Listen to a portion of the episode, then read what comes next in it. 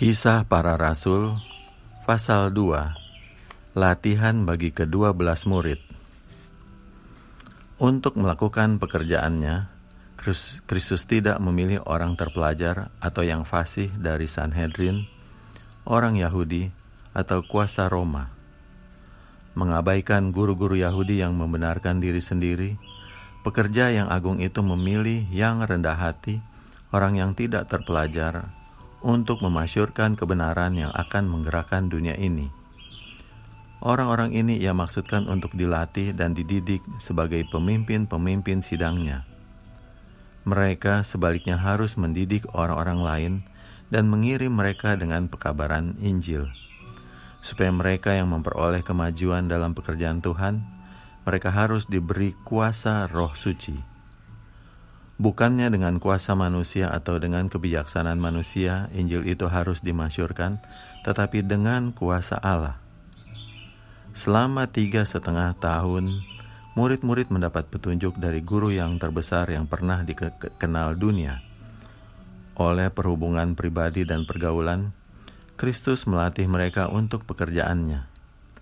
Setiap hari mereka berjalan dan bercakap-cakap dengan Dia mendengarkan perkataannya yang menghibur orang yang lelah dan yang berbeban berat, dan melihat kenyataan kuasanya untuk kepentingan orang sakit dan yang dirundung malang.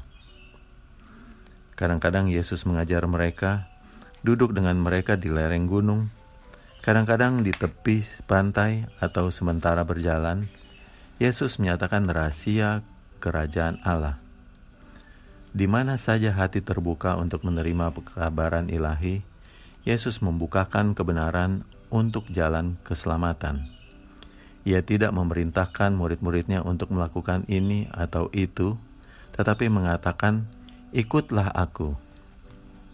Dalam perjalanannya melalui negeri dan kota-kota, Yesus membawa mereka sertanya supaya mereka melihat bagaimana Ia mengajar orang banyak. Mereka mengadakan perjalanan dengan dia dari tempat ke tempat. Mereka mengambil bagian dari makanannya yang sederhana, dan seperti dia kadang-kadang lapar dan sering lelah. Di jalan-jalan yang ramai di tepi danau, di padang pasir yang sunyi, mereka beserta dengan dia. Mereka melihat Yesus pada setiap segi kehidupan. Adalah pada pengurapan kedua belas bahwa langkahnya yang pertama sudah diambil dalam pengorganisasian gereja yang sesudah kepergian Kristus harus melanjutkan pekerjaannya di dunia ini. Tentang pengurapan ini, catatan itu mengatakan, kemudian naiklah Yesus ke atas bukit, ia memanggil orang-orang yang dikehendakinya, dan mereka pun datang kepadanya. Ia menetapkan dua belas orang untuk menyertai dia dan untuk diutusnya memberitakan Injil. Markus 3 ayat 13 dan 14. Lihatlah pada pemandangan yang mengharukan. Lihatlah kemuliaan surga yang mengelilingi kedua belas murid yang telah dipilihnya. Ia telah mengasihkan mereka untuk pekerjaan mereka. Oleh alat yang lemah ini, dengan perantaraan perkataan dan rohnya, Yesus merencanakan untuk menaruh keselamatan yang dapat dijangkau oleh semua orang. Dengan kegirangan dan kesukaan, Allah dan malaikat-malaikat memperhatikan pemandangan ini.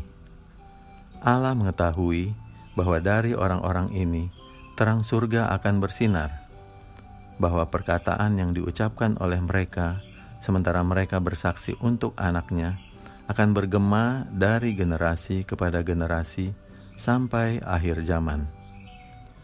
Murid-murid itu harus keluar sebagai saksi-saksi Kristus, apa yang mereka telah lihat dan dengar tentang Yesus. Kedudukan mereka amat penting untuk mana umat manusia telah dipanggil, hanya kedua dari Kristus sendiri. Mereka harus menjadi pekerja-pekerja bersama-sama dengan Allah untuk keselamatan manusia. Sebagaimana dalam Perjanjian Lama, 12 kepala keluarga berdiri sebagai wakil bangsa Israel. Jadi kedua belas rasul berdiri sebagai wakil Injil gereja. Selama pelayanannya di dunia ini, Kristus mulai merumbuhkan tembok pemisah antara Yahudi dan orang kafir, dan untuk menghotbahkan keselamatan kepada segala manusia. Meskipun ia seorang Yahudi, ia bergaul dengan bebas dengan orang-orang Samaria, meniadakan kebiasaan-kebiasaan Yahudi dengan mengindahkan orang yang terhina ini. Ia tidur di bawah atap mereka, makan pada meja mereka, dan mengajar pada jalan-jalan mereka. Juru selamat rindu untuk membukakan kepada murid-muridnya kebenaran mengenai merubuhkan tembok pemisah antara Israel dan bangsa-bangsa yang lain, kebenaran bahwa orang-orang bukan Yahudi dengan orang Yahudi turut menjadi ahli-ahli waris dan anggota-anggota tubuh dan peserta dalam janji yang diberikan dalam Kristus Yesus. Efesus 2 ayat 14 dan Efesus 3 ayat 6. Kebenaran ini dinyatakan terpisah pada waktu ia memberi pahala iman kepada penghulu seratus di Kapernaum dan juga pada waktu menghotbahkan Injil kepada penduduk Sikar. Lebih jelas lagi hal itu dinyatakan pada kesempatan dan kunjungannya ke Fenisia, bila ia menyembuhkan anak perempuan dari perempuan Kanani. Pengalaman ini menolong murid-murid untuk mengerti bahwa di antara mereka dianggap oleh orang banyak seperti tidak layak untuk keselamatan. Ada jiwa-jiwa yang lapar akan terang kebenaran.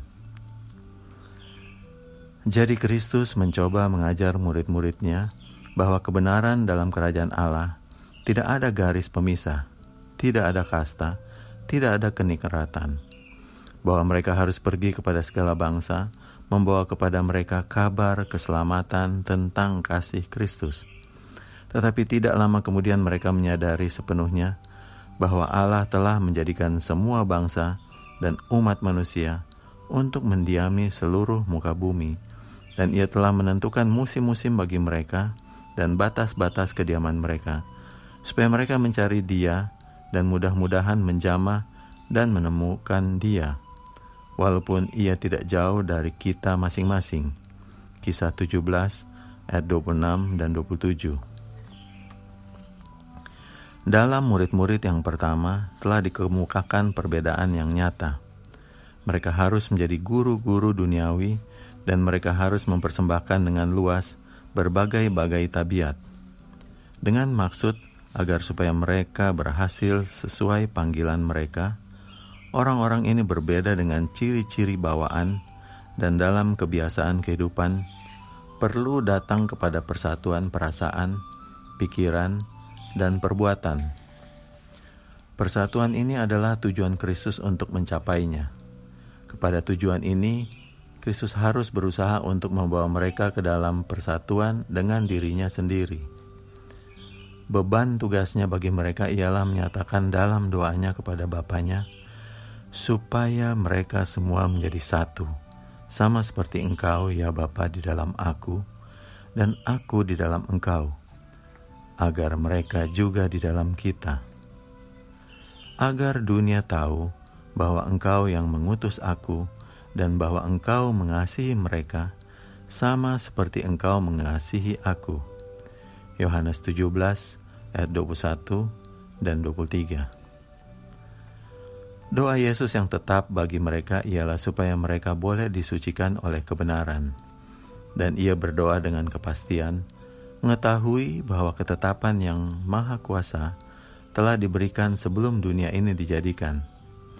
Ia mengetahui bahwa Injil kerajaan itu akan dikabarkan kepada segala bangsa untuk satu kesaksian. Yesus mengetahui kebenaran itu dilengkapi dengan yang maha kuasa dari Roh Kudus akan menang dalam pertempuran dengan kejahatan, dan pada suatu hari bahwa panji yang berlumuhan darah itu akan berkibar dengan penuh kemenangan atas pengikut-pengikutnya. Sementara pekerjaan Kristus di dunia ini berakhir, dan ia menyadari bahwa ia harus segera meninggalkan murid-muridnya untuk melaksanakan pekerjaan tanpa pengawasan pribadinya, Ia berusaha untuk memberanikan mereka dan menyediakan mereka untuk masa depan. Yesus tidak menipu mereka dengan pengharapan yang palsu. Sebagai suatu buku yang terbuka, ia membaca apa yang harus ada. Ia mengetahui bahwa ia hampir akan berpisah dari mereka untuk meninggalkan mereka sebagai domba di antara serigala. Yesus mengetahui bahwa mereka akan menderita penganiayaan bahwa mereka akan dibuang dari rumah sembayang dan akan dimasukkan ke dalam penjara. Yesus mengetahui bahwa untuk bersaksi baginya sebagai Mesias, beberapa dari mereka akan menderita kematian. Dan beberapa dari hal ini diceritakannya kepada mereka. Dalam berbicara tentang masa depan mereka, Yesus jelaskan dan memastikan bahwa dalam ujian yang akan datang, mereka akan mengingat perkataan-perkataannya dan dikuatkan untuk percaya kepadanya sebagai penebus. Ia mengucapkan kepada mereka juga perkataan pengharapan dan keberanian. Janganlah gelisah hatimu, katanya. Percayalah kepada Allah dan percayalah juga kepadaku. Di rumah Bapakku ada banyak tempat tinggal. Jika tidak demikian, tentu aku telah mengatakannya kepadamu, sebab aku pergi ke situ untuk menyediakan tempat bagimu. Dan apabila aku telah pergi ke situ dan telah menyediakan tempat bagimu, aku akan datang kembali dan membawa kamu ke tempatku, supaya di mana aku berada, kamu pun berada. Dan ke mana aku pergi, kamu tahu jalan ke situ. Yohanes 14 ayat 1 sampai 4 untuk kepentinganmu, aku datang ke dunia ini, karena engkau, aku telah bekerja. Bila aku pergi, aku masih akan bekerja dengan sungguh-sungguh untuk engkau. Aku datang ke dunia ini untuk menyatakan diriku kepadamu, supaya engkau boleh percaya. Aku pergi kepada Bapakku, dan engkau bekerja sama dengan dia untuk kepentinganmu. Aku berkata kepadamu, Sesungguhnya barang siapa yang percaya kepadaku, ia akan melakukan juga pekerjaan-pekerjaan yang aku lakukan, bahkan pekerjaan-pekerjaan yang lebih besar daripada itu. Sebab aku pergi kepada Bapa. Yohanes 14 ayat 12. Oleh keadaan ini, Kristus tidak maksudkan bahwa murid-muridnya akan mengadakan upaya yang lebih keras daripada yang diadakannya, tetapi bahwa mereka akan lebih banyak berupaya. Ia tidak maksudkan hanya pekerjaan mujizat, tetapi kepada semua yang akan terjadi di bawah pengaruh Roh Kudus. Jika penghibur yang akan kuutus dari Bapa telah datang, katanya, yaitu roh kebenaran yang keluar dari Bapa, ia akan bersaksi tentang aku. Tetapi kamu juga harus bersaksi, karena kamu dari semula bersama-sama dengan aku Yohanes 15 ayat 26 dan 27. Dengan ajaibnya perkataan-perkataan ini digenapi. Sesudah kecurahan roh kudus, murid-murid sangat dipenuhi dengan kasihnya dan bagi mereka untuk siapa ia mati, sehingga hati dilebur oleh perkataan-perkataan yang diucapkan dan doa yang dipersembahkan oleh mereka.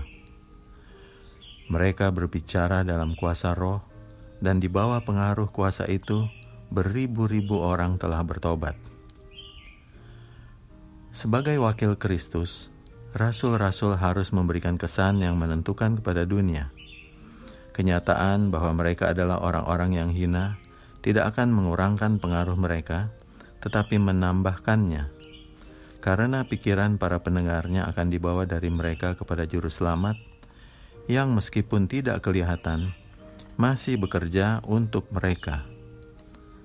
Ajaran yang ajaib dari rasul-rasul, perkataan keberanian, dan kepercayaan mereka akan memastikan kepada semua orang bahwa bukanlah dalam kuasa sendiri mereka bekerja, tetapi dalam kuasa Kristus. Merendahkan dirinya sendiri, mereka akan menyatakan bahwa Ia yang sudah disalibkan oleh orang-orang Yahudi adalah putra kehidupan, anak Allah yang hidup, dan bahwa dalam namanya mereka melakukan pekerjaan yang telah dilakukannya. Dalam percakapan perpisahannya dengan murid-muridnya pada malam sebelum penyaliban, Juru Selamat tidak menyinggung penderitaan yang harus ditanggung dan dipikulnya. Ia tidak berkata tentang penghinaan yang ada di hadapannya, tetapi berusaha membawa pikiran mereka kepada sesuatu yang menguatkan iman mereka, memimpin mereka untuk memandang kepada kesukaan yang menunggu orang yang menang. Ia bersuka-suka dalam kesadaran yang diperoleh, dan ia akan membuat lebih banyak lagi para pengikutnya daripada yang telah dijanjikannya, dan daripadanya akan mengalir perasaan kasihannya, membersihkan bait suci jiwa, dan menjadikan manusia seperti dia dalam tabiatnya. Bahwa kebenarannya dilengkapi dengan kuasa roh, akan keluar untuk mengalahkan dan menang. Semuanya itu kukatakan kepadamu, supaya kamu beroleh damai sejahtera dalam aku. Dalam dunia kamu menderita penganiayaan, tetapi kuatkanlah hatimu. Aku telah mengalahkan dunia. Yohanes 16 ayat 33 Kristus tidak gagal, juga tidak putus asa, dan murid-muridnya harus menunjukkan satu iman yang sama sifatnya. Mereka harus bekerja sebagaimana ia telah bekerja, bergantung kepadanya untuk kekuatan. Meskipun jalan mereka dihalangi oleh berbagai hal yang mustahil, namun oleh rahmatnya harus maju, tidak putus asa dan mengharap segala sesuatu. Kristus telah menyelesaikan pekerjaan yang telah diberikan kepadanya untuk dilakukan. Ia telah mengumpulkan mereka yang harus meneruskan pekerjaannya di antara manusia. Dan ia berkata, Aku telah dipermuliakan di dalam mereka. Dan aku tidak ada lagi di dalam dunia, tetapi mereka masih ada di dalam dunia, dan aku datang kepadamu. Ya Bapa yang kudus, peliharalah mereka dalam namamu, yaitu namamu yang telah engkau berikan kepadaku, supaya mereka menjadi satu sama seperti kita. Dan bukan untuk mereka ini saja aku berdoa, tetapi juga untuk orang-orang yang percaya kepadaku oleh pemberitaan mereka, supaya mereka semua menjadi satu. Aku di dalam mereka, dan engkau di dalam aku, supaya mereka sempurna menjadi satu, agar dunia tahu bahwa engkau telah mengutus aku dan bahwa engkau mengasihi mereka sama seperti engkau mengasihi aku. Yohanes 17 ayat 10 dan 11 dan Yohanes 17 ayat 20 sampai 23.